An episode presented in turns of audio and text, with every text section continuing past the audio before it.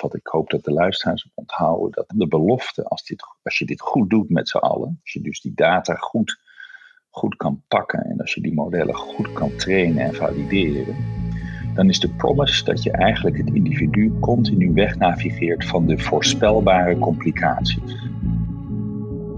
Kunnen we een zorginfarct voorkomen? Ik denk van wel. Dit is Slimme Zorg, een podcastserie van Ventura.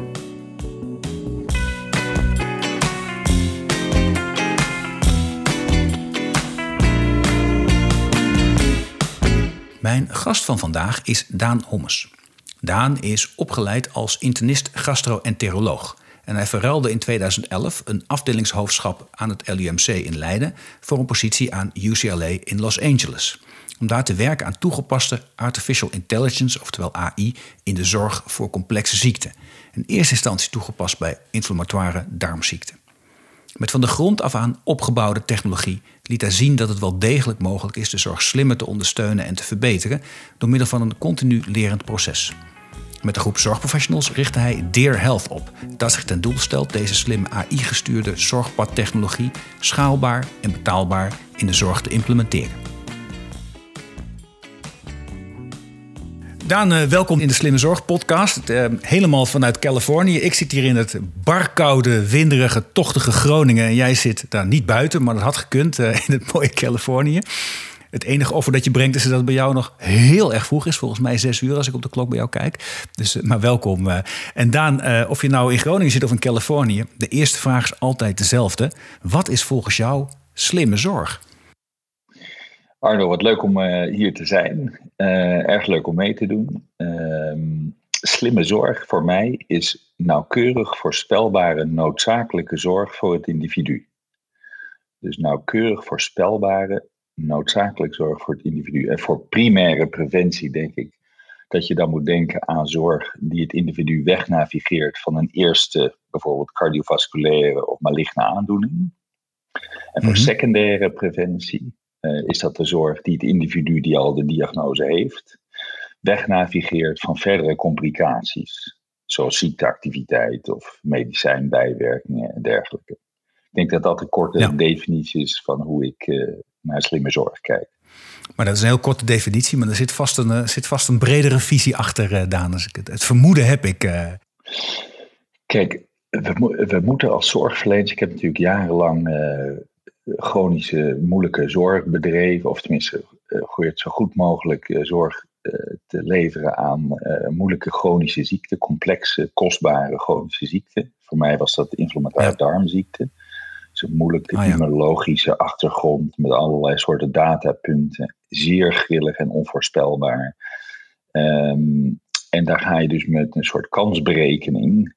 Kijk je naar je patiënt en kijk je naar data. En je weegt dingen af en je zegt, nou, statistisch gezien, of je denkt, ja, ik denk, het zou kunnen uitdrukken in percentages, denk ik dat een groot percentage wijst in de richting van, nou, nog maar in nieuw medicijn, of toch nog eens een test doen, of dit of dat.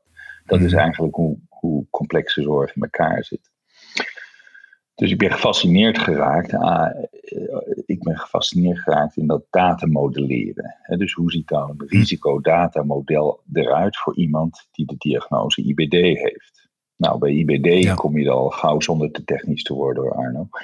Maar bij IBD kom je dan gauw terecht aan, uh, ja, wat zegt die patiënt zelf, wat, wat voor klachten die heeft. En dus dat zijn een aantal mhm. variabelen die goed voorspelbaar zijn van of de ziekte actief is of niet kun je daar dan ook nog laboratoriumonderzoek bij zoeken. Dus dan krijg, dan krijg je dat dat rijtje parameters zich uitbreidt met een aantal eh, bloedwaarden of ontlastingswaarden, die ook een effect hebben op dat risico.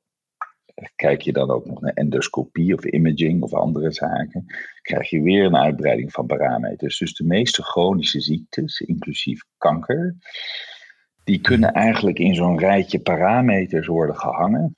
Uh, waar je eigenlijk kan stellen dat dat het risicomodel is. Is dat dan helemaal optimaal voor iedereen? Dus voor de populatie?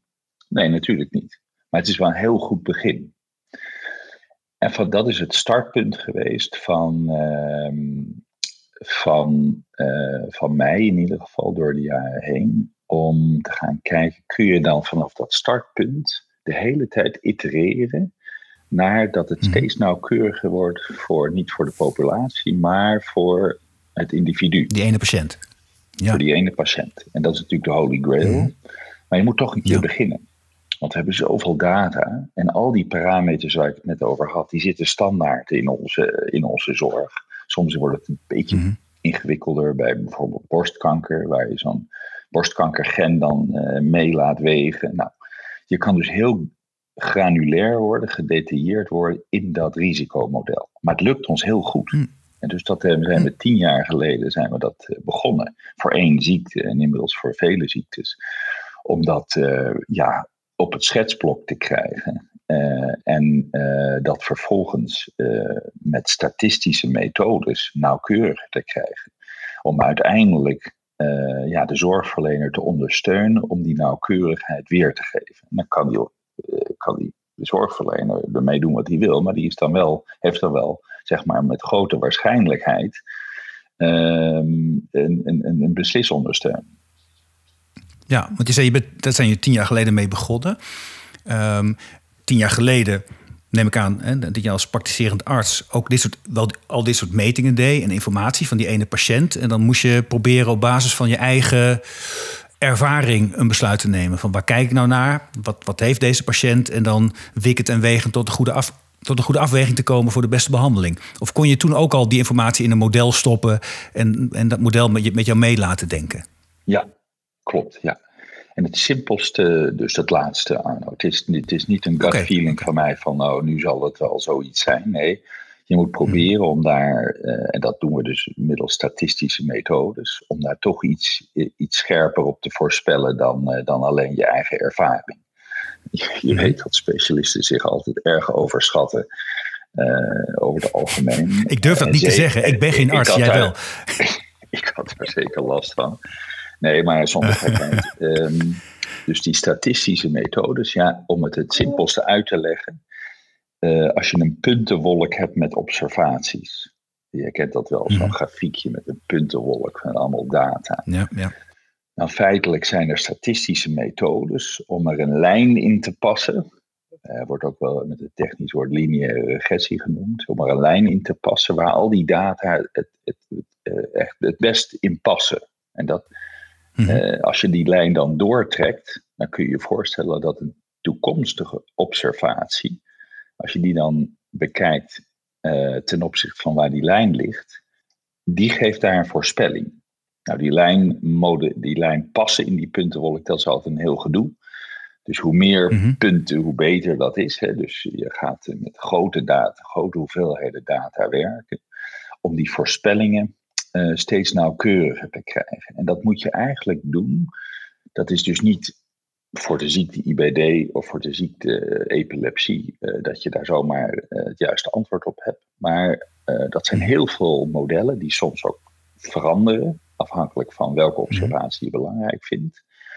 Um, en dat is dus een tak van sport, dat heet toegepaste artificiële intelligentie. Dat zijn machines die jou gaan helpen in die modellen om die nauwkeurigheid voor een bepaalde observatie heel, heel goed te maken. En wat je moet onthouden, denk ik, of wat ik hoop dat de luisteraars onthouden, dat de, dat de promise hiervan, de belofte, als, dit, als je dit goed doet met z'n allen, als je dus die data goed, goed kan pakken en als je die modellen goed kan trainen en valideren, dan is de promise dat je eigenlijk het individu continu wegnavigeert van de voorspelbare complicaties. En dat is de truc oh die, we, die we door al die jaren heen uh, ja, een beetje hebben geleerd hoe we daarmee om moeten gaan.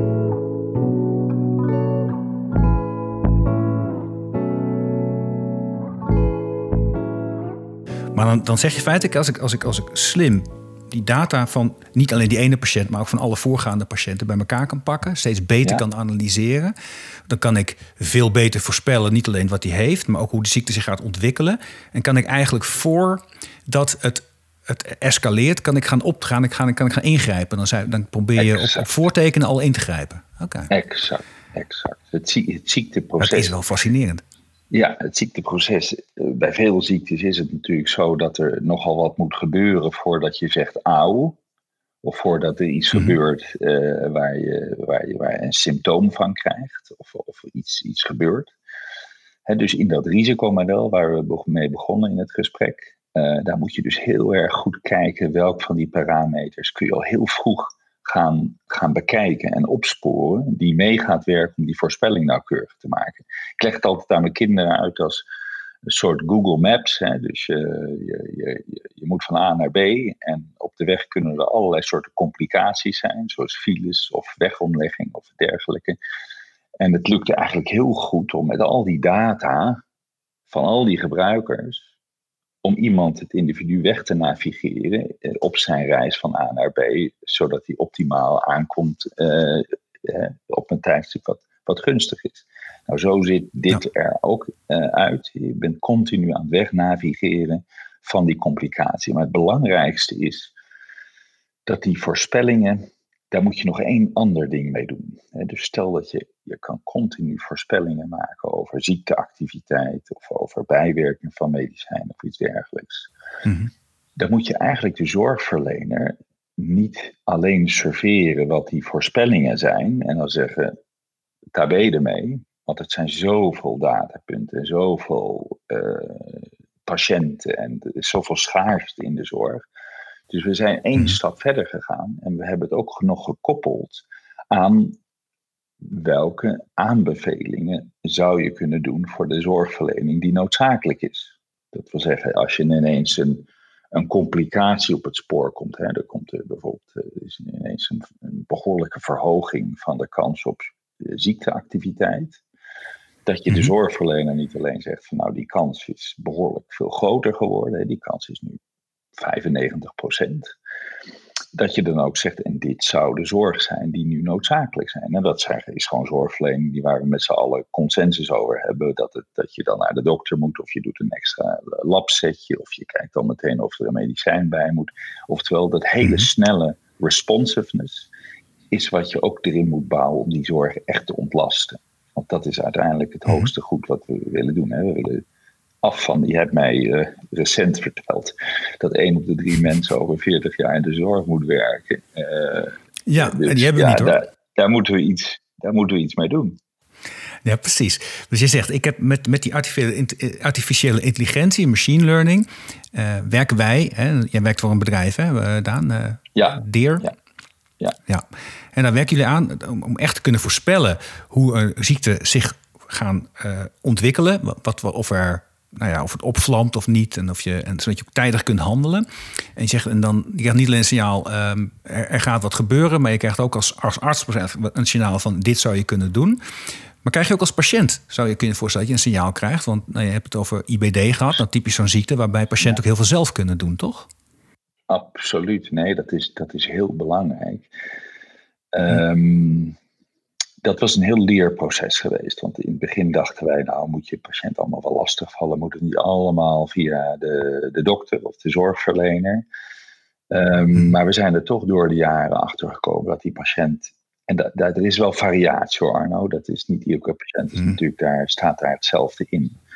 Maar dat ze heel graag participeren. Hè, dat patiënten dat ook heel belangrijk vinden. En zeker als je eenmaal zo'n diagnose hebt en weet dat het gewoon dat het vervelend kan zijn. Hè? Met kwaliteit van leven voor mensen met bijvoorbeeld inflammatoire darmziekte is over het algemeen uh, lager dan iemand die dat niet heeft. Hè? Dus het is over het algemeen ben je echt gemotiveerd om mee te denken. Nou, hoe meer transparantie er dan in het behandeltraject ligt en hoe meer je kan uitleggen dat je nog scherper aan de wind wil zeilen met dit soort hulpmiddelen. Het zijn natuurlijk hulpmiddelen, want Uiteindelijk neemt de zorgverlener samen met de patiënt de beslissing. Ehm, maar dat werkt dus uitstekend. Uh, en niet alleen met de patiënt. Wat we ook hebben gemerkt, is dat we nog een derde persoon hebben ingeschakeld in dat proces. En dat is de mantelzorger. Want die heeft natuurlijk oh, ja, dagelijks mee te maken. Ja. En dat, dat is ook wel een hele belangrijke observatie geweest die we in hebben gebouwd in onze zeg maar, beslisondersteuning. Ik vind het waanzinnig interessant. En um, ik vind het vooral waanzinnig interessant. Je vertelt erover van, ja, we doen dit al. dit, dit gebeurt al op dit moment. Ik, ik, tegelijkertijd kijk naar de Nederlandse zorg. En wellicht kun jij, mij, kun jij mij vertellen waar het al wel gebeurt. Maar ik heb het idee dat, dat, dat, dat, dat deze manieren van artificial intelligence, machine learning in, bij de behandeling van, van, van ziekte in Nederland nog echt nog in de kinderschoenen staat. Klopt dat? Het staat eigenlijk overal in die kinderschoenen. Want het is ongelooflijk lastig. Ehm, hm. Dus we zijn, uh, het is heel erg lastig om dat meteen helemaal goed te krijgen. Dus je begint heel erg simpel. Ehm, en hoe wij zijn begonnen, Arno, uh, is dat we vanuit een framework zijn gaan werken van hoe we de zorg al leveren. We noemen dat een zorgpad. En dat is voor iedereen weer wat anders. Maar voor mij is het heel simpel. Een zorgpad is wie doet wat, waar en wanneer. Uh, die noodzakelijkheid voor het individu is wie doet wat, waar en wanneer. En als je dat framework eenmaal goed hebt, en je hebt uh, zorgverleners die uh, daarop aftekenen of die jou helpen mee dat framework op te bouwen. Want dat, dat doen we. Hè. We doen het samen. We doen het niet alleen. We dicteren niet. Het is geen kookboek uh, geneeskunde. Maar dan gaan we samen met, met onze collega's, tekenen we af op dat framework. Dat is stap 1. Want dan kan je mhm. namelijk alles wat we er net bespraken, past in dat model. Dat kan je eenduidig geharmoniseerd toepassen. Dat is stap 1. Daar ga je al heel veel van leren. En heel veel praktijkvariaties en onnodige testen en dat soort dingen weghalen. Stap 2 is dan dat je benoemt in dat framework op welke uitkomsten je graag wil sturen. Nou, we noemen al even IBD, dus dat is opvlammingen per jaar. Hè, dat is een belangrijke. Bij diabetes kan het HbA1c zijn bloedwaarde bijvoorbeeld. Bij epilepsie is het aantal seizures hè, per dag mhm. of per week of weet ik wat. Dus je kan bij de meeste chronische ziekten kun je wel hè, heel redelijkerwijs met iedereen door één deur te zeggen van nou hier gaan wij op sturen. Nou, dan gaan we kijken of wij in dat zorgpad al zodanig dat dynamisch kunnen gaan maken door het, door het in te delen op risico. Uh, op het risico voor het niet behalen van die uitkomst of het risico van complicaties. Voor IBD is dat dus het hebben van veel relapses. Nou, dat weten we ook wel goed bij de meeste ziekten. dus dan ga je dat zorgpad al dynamisch sturen naar risicogestuurde zorg voor dat individu. En dan ga je werken met dat risicomodel waar we er net over spraken. Dan komen dus de hele tijd die data binnen en kijken past zo iemand dus wel goed in dat risicoprofiel? Is dat allemaal waar? En indien dat waar is, laat je hem de zorg uh, krijgen van het zorgpad wat daar gedefinieerd is. En indien door, de tijd met medicijn of het verbeteringen dat beter gaat, dan gaat iemand deescaleren. En dan krijg je minder zorgconsumptie, hoeft hij niet naar het ziekenhuis, kan heel veel virtueel, et cetera. Mhm. Daarna kom je, dat noemen we eerste generatie aanbevelingen. Dus dat is de eerste stap. Daar hoeft nog helemaal geen moeilijke statistiek voor bedreven te worden. De tweede stap is dat je die, die regels, zeg maar, die if-and-then statements, die algoritme heet dat ook wel netjes, dat je die gaat leren. Je gaat kijken in hoeverre zijn we nou in, uh, effectief geweest om die mensen in dat bepaalde risicogestuurde zorgpad te brengen. En bij wie is dat niet gelukt? En dat is een stukje statistiek die continu aan de achterkant meedraait van uh, zijn die voorspellingen voor dit individu wel juist geweest of wat hadden we beter kunnen doen? En dan kom je in die tweede generatie aanbevelingen, dan ga je kijken dat die, dan ga je dus zien dat die regels die dynamisch die zorg configureren, dat die gaan leren voor het individu. En dat vergelijk ik altijd met Netflix. Arno, als jij naar Netflix kijkt op dag één, dan staan er allerlei soorten films uh, klaar waar jij misschien niks mee hebt. Maar jouw eerste keuzes, uh, ga jij, dan gaat Netflix leren wat jij leuk vindt en zet steeds nauwkeuriger jouw smaken klaar. Werkt vrij aardig, moet ik zeggen. En dat is eigenlijk in die tweede generatie aanbevelingen precies hetzelfde aan de hand. En dan heb je nog de derde generatie, zo noem ik het dan maar. De derde generatie, en dat zijn moeilijke... Oké, we kunnen nog verder. Hm. Ja, dat zijn, dat zijn moeilijkere machine learning programma's met neurale netwerken en allemaal van die technische termen. Wat, dat is vreselijk ingewikkeld, met name om dat goed te krijgen in de zorg. Maar daar hebben we dus uh, nu vele jaren aan gewerkt om dat iets goed te gaan krijgen voor een aantal observaties. Hè. Dus kunnen we nou patronen herkennen van mensen waar we al veel eerder kunnen bedenken dat we iets, iets moeten doen qua medicijnen of qua testen of qua zorg. Dus een beetje een technisch verhaal, maar wat je moet meenemen is dat dat hele machine learning kan worden toegepast van een soort 1.0 model. En dat itereert als het ware in de tijd steeds naar een meer advanced model. Dus AI komt nooit uit een doosje. dus dat moet je altijd, daar moet je geduld voor hebben. En dat, dat, mhm. dat duurt, kan jaren duren. Maar je moet er wel een keer mee beginnen. Dat is denk ik de promise van wat wij momenteel aan het doen zijn.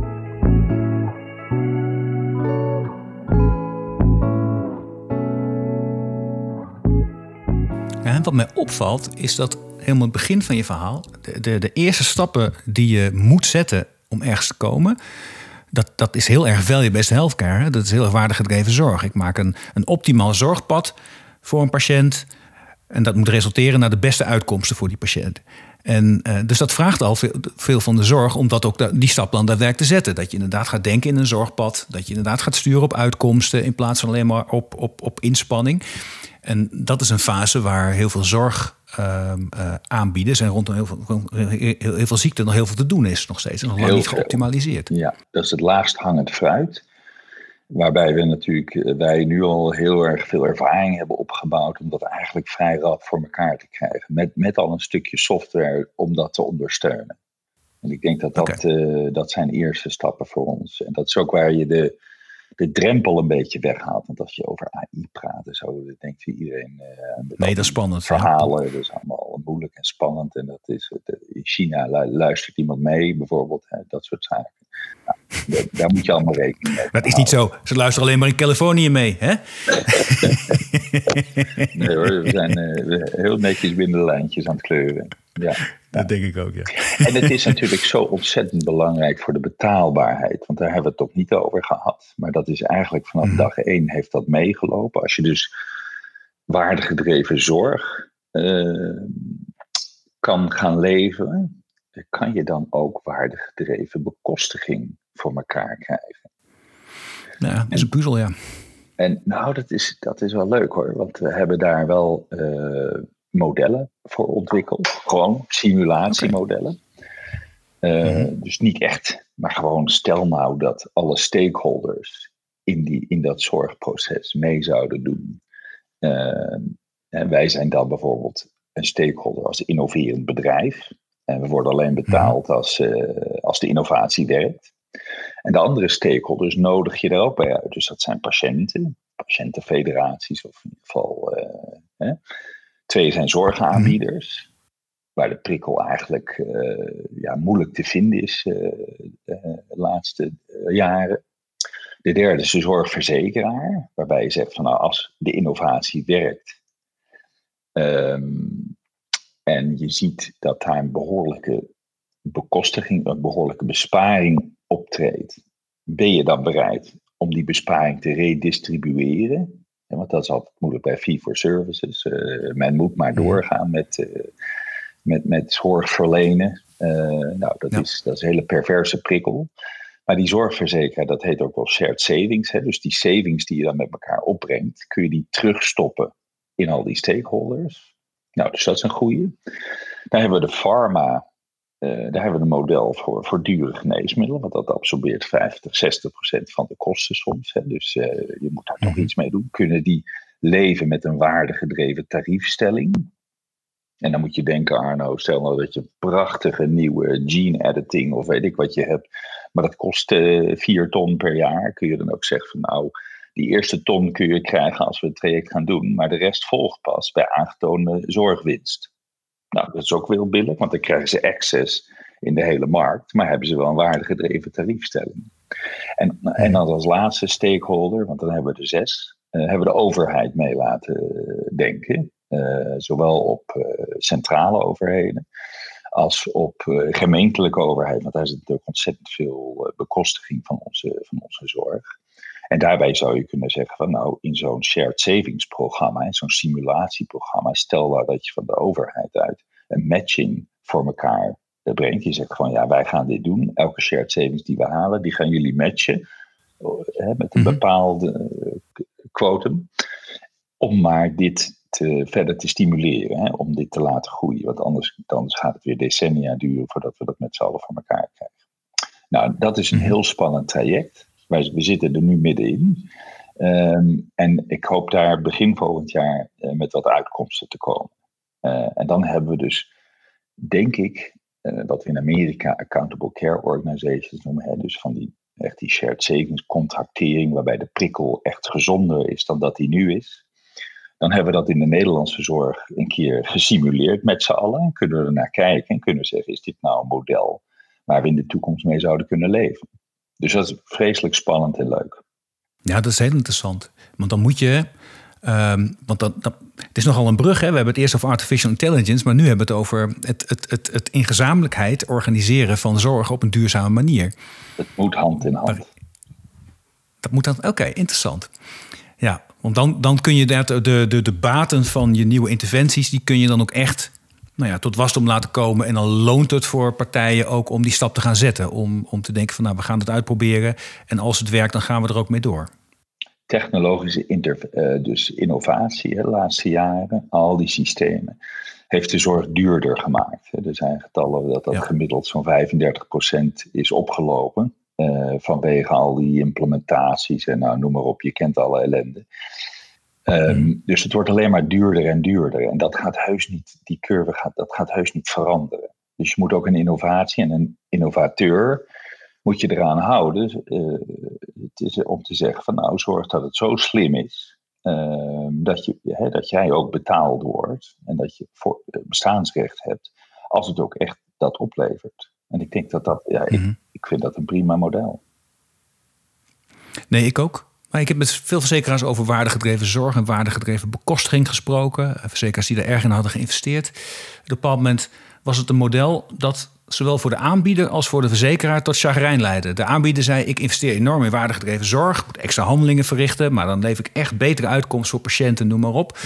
Um, maar ik zie het financieel niet terug. De verzekeraar zegt: Ik heb er enorm in geïnvesteerd. Ik heb met je mee geïnvesteerd om het project mogelijk te maken, het traject mogelijk te maken. Kost mij dus ook extra geld. Um, en die ziet macro de kosten niet dalen. Want wat in de praktijk vaak gebeurt, is dat die aanbieder die eerst zeg maar, op de reguliere manier zorg levert, doet dan nu waardegedreven. Nou, dat is voor de patiënt beter, die krijgt betere uitkomsten. Um, maar grosso modo, de verwijzer blijft net zo verwijzen als in het verleden. Dus degene die dat niet doet, die op de oude manier zorg blijft leveren, die gaat gewoon ook door. In hetzelfde volume, op dezelfde manier. En die verzekeraar ziet zijn, ziet zijn baten weglopen, de aanbieder ook. En uiteindelijk eindig je in chagrijn. Dus de, enige oplossing lijkt te zijn als je dat met meerdere samen doet. Als je dat bijna, dus, zoals jij zegt, bijna regionaal oppakt. En dan ook echt zegt, dit zijn de principes waarlangs wij zorg gaan organiseren. Zo gaan we innoveren. En als het wat oplevert, dan delen wij de baten met elkaar op deze manier, zodat we kunnen blijven investeren en verbeteren. Ja, helemaal, uh, helemaal juist. Uh, wij, wij, doen nog één stapje erbovenop. Wij zeggen namelijk van tevoren al, doen we predictie, weer predictie, over wat, uh, wat het effect gaat zijn in het ecosysteem waar we werken. Want in Groningen, mhm. waar jij woont, is het echt mhm. anders dan in, in Zeeland of in Maastricht. Die mhm. ecosystemen verschillen, dat weten we ook wel. Hè? Al die modellen uh, die in andere landen moeten worden toegepast, dat lukt nooit in ons eigen eh, landje. Nou, dus wat doen wij? Wij doen al een, een soort predictie over wat het, wat het effect gaat zijn. dus uh, we werken nu met partijen, hè, met, met klanten, ziekenhuizen ook in Nederland. En zeggen van, goh, weet je, um, met deze set van data die jullie al in jullie brontabellen hebben, kunnen al ongelooflijke mhm. predictie doen over wat het effect van deze innovatie kan zijn. Nou, dat, ziet er vaak behoorlijk interessant uit. Uh, en dan mhm. kijken we in de realisatie in die eerste fase in hoeverre je uh, dicht bij die predictie gaat komen. Dus je hebt een heel gecontroleerd proces van het implementeren van zo'n, van zo'n, van zo'n innovatie. En dan moet mhm. je eh, even terugkomen op jou, wat je zei. Hè? Dus we doen het allemaal zo goed en de zorg zie je verbeteren. Dat is ook zo. Al de appjes die er leven en al de zaken die er zijn. Iedereen vindt het fantastisch, levert veel op. Ehm, maar macro doet het vrij weinig. Ik durf wel zeggen, hè, geen, geen deuk in een, in een pakje boter. Dus dat werkt niet wel van nice to have. Maar in deze tijd van hè, die scenario's die jij twee of drie weken geleden hebt, hebt, laten zien, um, dat, is, dat, dat ga je daar niet mee redden. Dus je moet iets anders. Nou, denk nog even terug dan aan wat ik zei over mhm. chronische zorgverlening. Dat is toch 80, 85 procent van alle health expenditures, hè, van alles wat we elkaar uitgeven aan de mhm. zorg. Um, in die chronische zorg heb ik verteld dat je dus dat, on, dat de innovatie waar ik mee bezig ben, dat dat met name deescaleert in die, in die, uh, in die zorgpadarchitectuur. Hè? Dus van een hoog risico met mhm. heel veel zorgconsumptie ga je iemand de, over tijd deescaleren, omdat je zo slim aan het wegnavigeren bent naar een lager. Dus die utilisatiepatronen gaan echt enorm worden aange. Uh, die, die zie je enorm veranderen. Utilisatie betekent mhm. hoeveel moet je nou naar de kliniek, hoeveel foto's, MRI's, CT's, kopieën, laboratoriumonderzoeken, ja, medicijngebruik, et cetera. Nou, daar kunnen wij dus een voorspelling op doen. Want, hè, dus daar kunnen we zeggen van nou, uh, als wij gemiddeld 20% laten deescaleren van hoog naar gemiddeld risico, um, dan gaat het zoveel in utilisatie opleveren. Dat wil zeggen dat op DBC-niveau, dat de, zeg maar de factuurtjes die eruit gaan naar de verzekeraar, dat is allemaal heel erg meetbaar dat daar dus die delta, die, die 20%, goed in te meten is.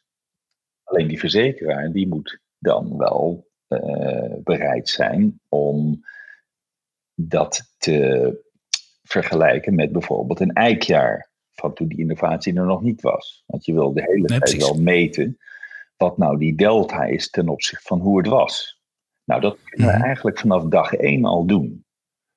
Dus in plaats van de trajecten die jij net beschreef met waardegedreven zorg, van we doen heel erg ons best, met zorgwinst, maar we zien geen macro, geven wij niet alleen de predictie al van tevoren aan, maar gaan wij eh, naar gelang de tijd continu evalueren van in hoeverre is dat, heeft dit geleid tot, uh, tot een uh, verbetering op macroniveau.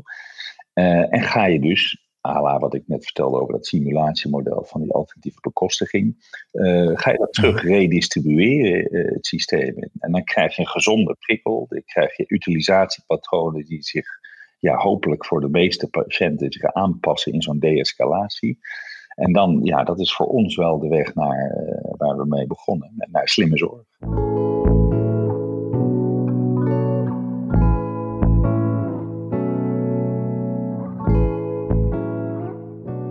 Ja, je hebt twee soorten innovatie in de zorg. Hè. Je hebt innovatie van een patiënt heeft iets, daar konden we eerst nog niks mee. En dan komt er iets nieuws. Hè. De farmaceut vindt iets nieuws of een nieuwe therapie. En dan kan het in één keer wel. En dat vinden we ook, moeten we leveren. Um, dus dan is er in één keer meer zorg dan dat voorheen was. Dat jaagt de kosten op, maar daardoor kun je ook meer zorg leveren. Dat is één spoor van de, van de innovatie. Bijna niet te stuiten, want mensen willen niet dood. En we blijven altijd op zoek naar nieuwe therapieën. Ik heb mensen gezien op de televisie. Ja. Doe maar. Ja. Kost kapitalen, op, op termijn wordt het vaak wel goedkoper weer, maar toch. En dat zal altijd blijven. En je hebt heel veel, in het bedrijfsleven heb je heel veel innovatie. Eigenlijk in elke tak van sport heb je heel veel innovatie, waardoor je steeds efficiënter, slimmer, makkelijker dingen kunt leveren. Waardoor kosten dalen, arbeidsproductiviteit toeneemt, noem maar op. En dat laatste, dat lukt in de zorg niet. Er heel veel onderzoeken naar gedaan. De Wetenschappelijke Raad voor de Regeringsbeleid heeft onlangs uh, daar een mooi rapport over kiezen voor houdbare zorg. Er zit een hele mooie analyse in over dit soort innovaties, procesinnovaties. Die zouden in elke andere tak van sport leiden tot doelmatigheid en tot lagere kosten en meer productiviteit. Vooral meer productiviteit. Lukt in de zorg maar niet. Dus de WRR heeft inmiddels gezegd, nou ga er vooral mee door.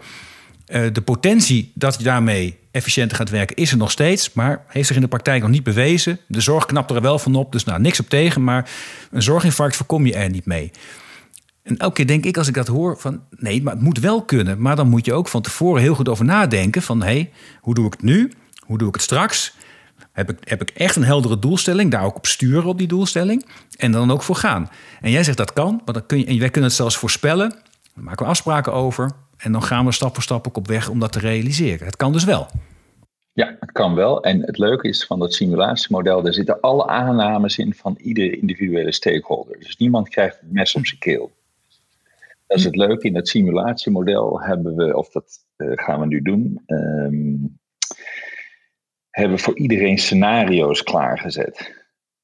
En dan doe je een soort, dat heet met een technisch woord, conjoint analysis. Dus dan ga je, zeg maar, dat doe je ook bij shared decision making. Uh, Arno, stel je hebt mm iets, een kwaal. En dan zegt de dokter, ja, we kunnen scenario 1 bij je doen. Dat is dan met uh, pilletje. En scenario 2, dat is met een operatie. En dit bij scenario 1 komt eruit. En dit bij scenario 2 komt eruit. En dan kun je gaan kijken, waar ligt nou het optimum? En dat gaan we mhm. per stakeholder doen in dat simulatiemodel. Dus wat eruit komt, daar gaat niemand van zeggen, ja, daar ken ik helemaal niks van. dus dat is iets. Hm. En, hopelijk schuurt het aan tegen wat je net zei, is dat we, dat we dan daadwerkelijk komen tot een, zeg maar, een gemeenschappelijk model waarin ten eerste innovatieve bedrijven in kunnen stappen en afgerekend worden als het niet werkt. Want we moeten ophouden met continu uh, denken dat we met slimme vernieuwing bezig zijn, omdat het een nieuw uh, knopje, belletje of weet ik wat heeft. Maar daar wordt innovatie echt op afgerekend. En het valt dan in het model waar we van tevoren met z'n allen al uh, hebben bedacht wat de aannames zijn voor bijvoorbeeld zo'n redistributie van uh, besparingen. Daar is een enorme gezonde prikkel, gaat daarvan uit. Patiënten moeten participeren. Hè, dat is een van de dingen in die scenario's. Als je dus in zo'n zorgpad wordt gestopt en je komt nooit opdagen op je labonderzoek of je doktersbezoek of je, je patient reported outcomes, die worden niet uh, geleverd. Nou, dan kun je niet mee profiteren. Dan blijft het gewoon bij het oude. Voor de zorgaanbieder, ja, die moet, die moet echt mee in die adoptie. Ook een probleem, hè? heel veel dokters, ja. heel veel providers, die zijn daar wat, hebben wat weerstand daartegen. Nou, die kun je dus hier weer gezond mee maken. Door te zeggen, ja, maar als we dat dan doen, dan ga je wel meedoen in die redistributie van, van gelden. De zorgverzekeraar hebben het net over gehad, de farma hebben het net over gehad en de overheid hebben het net over gehad. Dus ik denk dat dat model is wat hopelijk dan op macro, wat je net zei, hè, al die dingen die we nog niet hebben. Uh, ik, ik heb dus hoop dat met deze aanpak dat we dat daadwerkelijk gaan zien. En niet over vijf jaar, maar gewoon komend jaar en het jaar daarna. En, en schalen en, en et cetera. Ja, nou, dat zal wel mooi zijn. Want uh, iedereen ziet aankomen dat de zorg krakend vastloopt. Personeelsgebrek uh, overal. En um, Um, en alle predicties gaan uit van, vanuit, nou ja, in 2040 moet dan 1 op de 4 mensen werken in de zorg, 2060 1 op de 3. Op dit moment is het 1 op de 7 in Nederland. Nou, die mensen zijn er ook al niet. Hè? Dus het idee dat we nog tijd hebben om bij te stellen, dat het een probleem is dat zich in 2040 openbaart en dat we er nog 19 jaar over kunnen nadenken, dat is niet zo. Het probleem is nu. En um, ja, het echte besef dat het probleem echt groot is en verder gaat dan ja, meer, een beter salaris voor verpleegkundigen. Niks mis mee. Wellicht, dat, wellicht houd je daarmee een paar verpleegkundigen vast. Dat zou kunnen. Maar ik trek er geen, uh, uh, de, uh, geen verdubbeling van het aantal verpleegkundigen mee. Hè. Dat gaat niet lukken. Ik, ga, ik denk er vanuit moeten gaan dat de hoeveelheid professionals die we hebben niet toe kan nemen. De zorgvraag gaat wel toenemen. Dat kunnen we ook weinig aan doen in een vergrijzende populatie met heel veel chronische zieken. Dus ja, dan moet het echt anders. Dan moet het van innovatie hebben. Zeker, zeker. Ja. ja. En die innovatie gaat dus, wat jou betreft, die gaat dus niet alleen over die hele slimme artificial intelligence zorg, waarmee je heel goed kunt voorspellen wat wanneer gaat gebeuren en je op tijd kunt, nou, echt voortijdig al kunt ingrijpen voordat dingen verergeren. Maar gaan ook over wijze waarop je financiert, organiseert en alle partijen bij, daarbij betrekt. Ja. Dat lijkt me voor een technologiebedrijf dat laatste nog wel lastig. Als je het over de schutting gooit met een prijskaartje, dan gaat het niet werken. Zeker niet in deze tijd waar al die budgetten eh, vrijwel bevroren zijn. Hè, dat, niks kan uh, of weinig kan. Dus je moet mhm. komen. Uh, en ik, ja, je zegt natuurlijk, ik werk nu in een bedrijf. Hè, maar ik heb natuurlijk, uh, mijn hart klopt als zorgverlener om dat een keer op te lossen vanuit een academie maar goed, dat is een heel andere, dat is meer filosofische discussie van kun je innoveren vanuit een academie? Ik denk ja, op vele gebieden wel, maar nee, niet op infra en schaalbare oplossingen zoals we net hebben gezegd. Dat moet, of mijn, mijn, mijn carrière is dat, dat ik dat heb geprobeerd via een andere weg, omdat het via de academie uh, altijd klein is en, en mooi en, en uh, dat ziet altijd prima uit, maar schaalbaar en groot kun je het niet maken. Dus vandaar dat ik uh, eigenlijk op beide kanten een beetje navigeer. Ja, fascinerend. Maar hoe kom je nou als, als bedrijf aan tafel in, in zo'n zo'n heftig regionaal project? Want of ik noem het dan heftig, maar in ieder geval zo'n zo'n heel integraal regionaal gebeuren. Dat is een hele goede vraag. Kijk, wat wij doen is natuurlijk helemaal door zorgverleners gebouwd. dus we hebben die mhm. credibility, omdat we al we hebben jarenlang, iedereen die bij ons werkt, heeft, tenminste een heel groot deel van, van ons team, dat zijn allemaal gewoon zorgverleners. Eh, dat zijn allemaal mensen die met de laars in de modder hebben gestaan. Dus het netwerk wat we hebben, de credibility die we hebben. we zijn niet in een garage begonnen om eens in de zorg wat te doen, omdat daar in Amerika, wat is het, 3,5 triljard in omgaat per jaar. Ik denk dat dat een belangrijk is. Plus, het is een gemeenschappelijk ding. Het product is niet af, er wordt over de schutting gegooid en succes ermee, maar het is, je gaat gezamenlijk niet alleen dat product goed maken en beter maken. Wij zijn een hostingplatform. En je gaat ook gezamenlijk naar de bekostigingskant kijken. En dat is heel aantrekkelijk, omdat dat toch agenda punt 1 tot 10 is voor de meeste ziekenhuizen. Absoluut. Ja. dus dus die, ik denk dat die twee elementen, als ik een antwoord moet geven, dat dat, het, dat, dat is wat onze ervaring tot nu toe is. Hè. Dus het netwerk, credibility, ook bekostigingsvraagstukken, verzekeraars die denken mee. ik denk dat dat een beetje eh, een weg is eh, die, eh, die, die, die ons laat doen uitbreiden in, in verschillende regio's in Nederland. Ik vind, dat, ik vind het fascinerend. Ik vind het mooi om te zien hoe je als, echt als, als, als ondernemende partij in de zorg ehm, ook hele fundamentele vraagstukken in de zorg kunt, kunt aanpakken. Het financieringsvraagstuk is echt heel fundamenteel. Samenwerken is een heel fundamenteel vraagstuk. Dus ik ga het sowieso volgen, Daan. Ik vind het super interessant.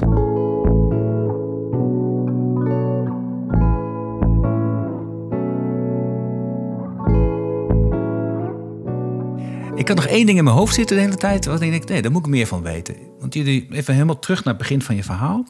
Uh, hoe je bezig zijn met artificial intelligence, steeds beter kunnen voorspellen, steeds, dingen, steeds, steeds betere modellen bouwen. Uh, zoals machine learning zelfs aanreiken wat je zou kunnen en moeten doen aan interventies. Dat kan alleen maar bij de gratie van data. Heel veel data. Informatie van patiënten, informatie van zorgverleners. En dat is in Nederland altijd een ding. Kom maar eens aan die data. Mag je het gebruiken? Mag je delen? Wil een patiënt delen uh, of niet? Uh, ik heb vaak het idee dat zorgverleners en patiënten heel graag willen delen. Maar dan zijn er wel weer anderen van buiten die zeggen: ho, ho, dat is gevaarlijk, privacy, noem maar op. Maar komen jullie aan voldoende data om steeds beter te kunnen leren? En, en, en hoe dan? Of welke, welke dingen loop je tegenaan? Ja, uh, belangrijk, belangrijk onderwerp. Um, je moet in eerste, het eerste deel van het antwoord ligt in dat er gelukkig goede regelgeving is opgetuigd. Mhm. Voor bedrijven om met uh, data, uh, met persoonsgegevens om te gaan. dus die MDR, die, die, al, die, al die Europese regelgeving en Nederlandse regelgeving, die NEN en al die, al die zaken op beveiliging en dat soort zaken. Mhm. Daar moet je doorheen. Dus geen discussie. dat moet een groen vinkje zijn achter elke innovatie dus dat is bij ons ook een, een groen vinkje. Maar er zijn veel, of er zijn ook andere manieren eh, waarop je die angst wat kan wegnemen. Je kan ten eerste moet ik zeggen dat ehm, het is fijn om veel data te hebben, maar het is ook een misconceptie dat je alleen maar dit soort zaken met heel veel data kan doen. Wij kunnen eigenlijk zonder data beginnen. Denk nog even aan die zorgpad frameworks en die eerste generatie regels. Daar heb je helemaal geen data voor nodig. Dat komt, prospectief loopt dat wel mee. Dus dat is één. We zijn dus niet puur een analytisch bedrijf wat de hele, of een analytisch team wat de hele tijd maar alleen met heel veel data, anders komt er niks uit. Nee, dat is niet zo. Um, het tweede is dat je um, heel goed data kan uh, de-anonymiseren. Dus je kan, het, je kan alles eraf hakken. Persoons, ik heb, nou, ik heb het adres uh, en het telefoonnummer en dat soort zaken heb je allemaal niet nodig. Uh, voor die risico. Nee, die voorspellen niks. Dus de, die kun je er al afhakken. Dan nog steeds zijn er mhm. mensen die opstaan in de zaal en naar de microfoon lopen en zeggen van ja, maar je kan toch wel via indirecte manieren toch wel weten dat het uh, mevrouw Jansen is uit uh, de Zeilstraat. Uh, dat, dat is inderdaad waar. Maar er zijn een aantal zaken die je daar kan doen. En wij zijn daar wel een beetje naar aan het kijken. Je kan eigenlijk, um, dat heet de synthetische data, dat zijn eigenlijk kopieën uh, van hè, bijvoorbeeld in een ziekenhuis zijn wij bezig met eh, heel veel eh, patiënten met bijvoorbeeld IBD of reuma of hartfalen. Dat je daarvan een synthetische kopie trekt waarin alle karakteristieken liggen van de originele originator set, van de originele set. Hè, dus de haarkleur, nou noem maar al die parameters die we opslaan. Um, die gaat niet verloren, die kwaliteit gaat niet verloren in die synthetische kopie. Maar in die synthetische kopie kan je van zo lang zal ze leven nooit meer terug naar het individu. Maar je kan wel vanwege al die karakteristieken precies die statistiekbedrijven waar we het over gehad hebben dit uur. En dat is een manier waarop je het helemaal, uh, wat mij betreft, uh, die discussie oplost. En alle nee-sayers uh, kan geruststellen dat daar niks mee kan gaan gebeuren. Dat dat niet op straat komt te liggen of daar misbruik van gemaakt kan worden.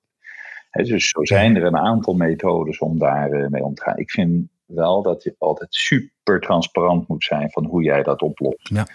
Uh, en waar dat dan bestaat. En kijk, wij eh, in de meeste huizen uh, slaan we niks op. En uh, kijken we alleen tijdelijk naar de, die parameters. En blijft dat allemaal in de ziekenhuizen zelf opgeslagen. Dus, ehm, maar goed, daar informatie en transparantie inbrengen is, is extreem belangrijk, zoals je al, zoals je al opperde. Ja, dat denk ik ook. Ik denk de frontrunners in dit, in dit speelveld, inderdaad, als die ook naar buiten treden, zeggen: joh, bevraag ons, kom kijken hoe we omgaan met informatie, hoe we omgaan met data. Zonder dat je natuurlijk helemaal in de keuken laat kijken hoe jullie model werkt. Dat snap ik, hè, dat de, de, de, de, je, je, je, ja, de, de echte werking van uh, hoe jullie aan je slimmerheid komen, dat hoef je niet te laten zien, maar wel hoe je met data omgaat en hoe je dat inderdaad um, depersonaliseert. Ik denk dat het heel goed is als het naar buiten wordt getreden die koudwatervrees in de Nederlandse maatschappij weg te halen. Want we moeten wat met digitaal in de zorg. Zeker, ja. Hey, tot slot, wij gaan naar de afronding toe. Wordt in Nederland op dit moment geformeerd? Duurt eeuwig. Ik kan deze vraag al eh, veel langer stellen dan, uh, dan me lief is. Maar er, er, lijkt binnenkort een eigen leg te worden. Dan hebben we een nieuwe regering. Um, stel, ze bellen jou, Daan, om de nieuwe minister van Volksgezondheid te worden. Dat ga je natuurlijk niet doen, want het weer in Nederland is minder dan in Californië. Maar nou, laten we zeggen, dan word je gebeld als belangrijke adviseur. Wat is nou het meest belangrijke advies dat je zou willen meegeven aan de nieuwe minister van Volksgezondheid? Kijken naar de Nederlandse situatie. Poeh, en dit is de afsluiting van één minuut, hè? nou, je mag van mij. Je krijgt ook twee of drie, zo ben ik.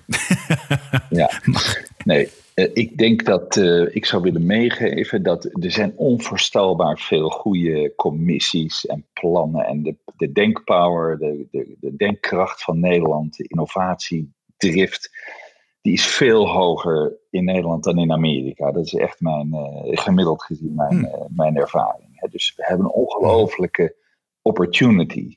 Alleen we verwezenlijken die opportunity vaak niet. En in de zorg uh, als ik me daartoe moet beperken, wat ik mis is het lef, dus het ondernemingslef. Uh, dat is niet meteen risico, hè, want ik we hebben net van uh, een heel uur gesproken over hoe je het risico zo minimaliseert. Maar mhm. je, moet, je moet durven te veranderen, want we zijn echt uitstekend georganiseerd in Nederland om de zorg te leveren die we nu leveren. En we weten dat dat vastloopt, of al vastgelopen is. En met COVID ja hoe fragiel alles is. Dus dat model wat we nu hebben, dat werkt niet voor de, voor de toekomst. Dus um, ik zou willen meegeven, als adviseur zou ik er continu naar kijken. In, he, probeer met wat meer lef andere modellen te, te proberen. Ik we hebben net gesproken over het simulatiemodel. Dat is geen rocket science, Arno. Maar het gebeurt niet. Hmm. In, het is, we zijn de eerste die dat doet voor alternatieve bekostiging. En dat soort zaken, dat, dat moet meer landen. En dat moet veel sneller. Veel sneller durven te falen. Falen is geen slecht woord, dat heb ik dan weer in Amerika geleerd. Uh, als het fout gaat, dan is meer de assessment van waarom het fout gaat. Uh, opstaan en het weer proberen met die kennis van nu. En nou, dat, dat klinkt misschien een beetje weeg, maar uh, dat, dat is echt wat, wat naar mijn. Nee, dat klinkt, dat klinkt heel helder. Nee, dus meer lef, Durven, durven falen, daarvan leren en dan met lef de volgende stap zetten. Absoluut. Ja, en daar ook dus de figuren die daar een inspirator in kunnen zijn, hè? leiderschap mhm. kunnen tonen, uh, ja, die, die naar voren schuiven en die de microfoon geven. Ja. Nou, wie weet. En anders heb ik altijd deze microfoon nog uh, ter beschikking. Uh, bereik misschien wat minder groot dan die van de minister, maar ja, je weet maar nooit. Daan, mag ik jou heel erg bedanken voor dit mooie gesprek. Was superleuk. Arno, dankjewel. Dit was Slimme Zorg, de podcast waarin nagedacht wordt over oplossingen waarmee een zorginfarct voorkomen kan worden. Een podcastserie van Ventura. Abonneer je op deze show via iTunes of Spotify en voel je vrij om een review achter te laten. Vind het zelf enorm leuk om te lezen wat jullie van de podcast vinden. Je mag me ook mailen op podcast.ventura.com. Vond je de podcast leuk? Dan heb ik een opdracht voor je. Vertel over de podcast aan een van je vrienden of collega's. Mijn naam is Arno Rutte. Dit was Slimme Zorg. Je hoort mij over twee weken weer in een nieuwe aflevering.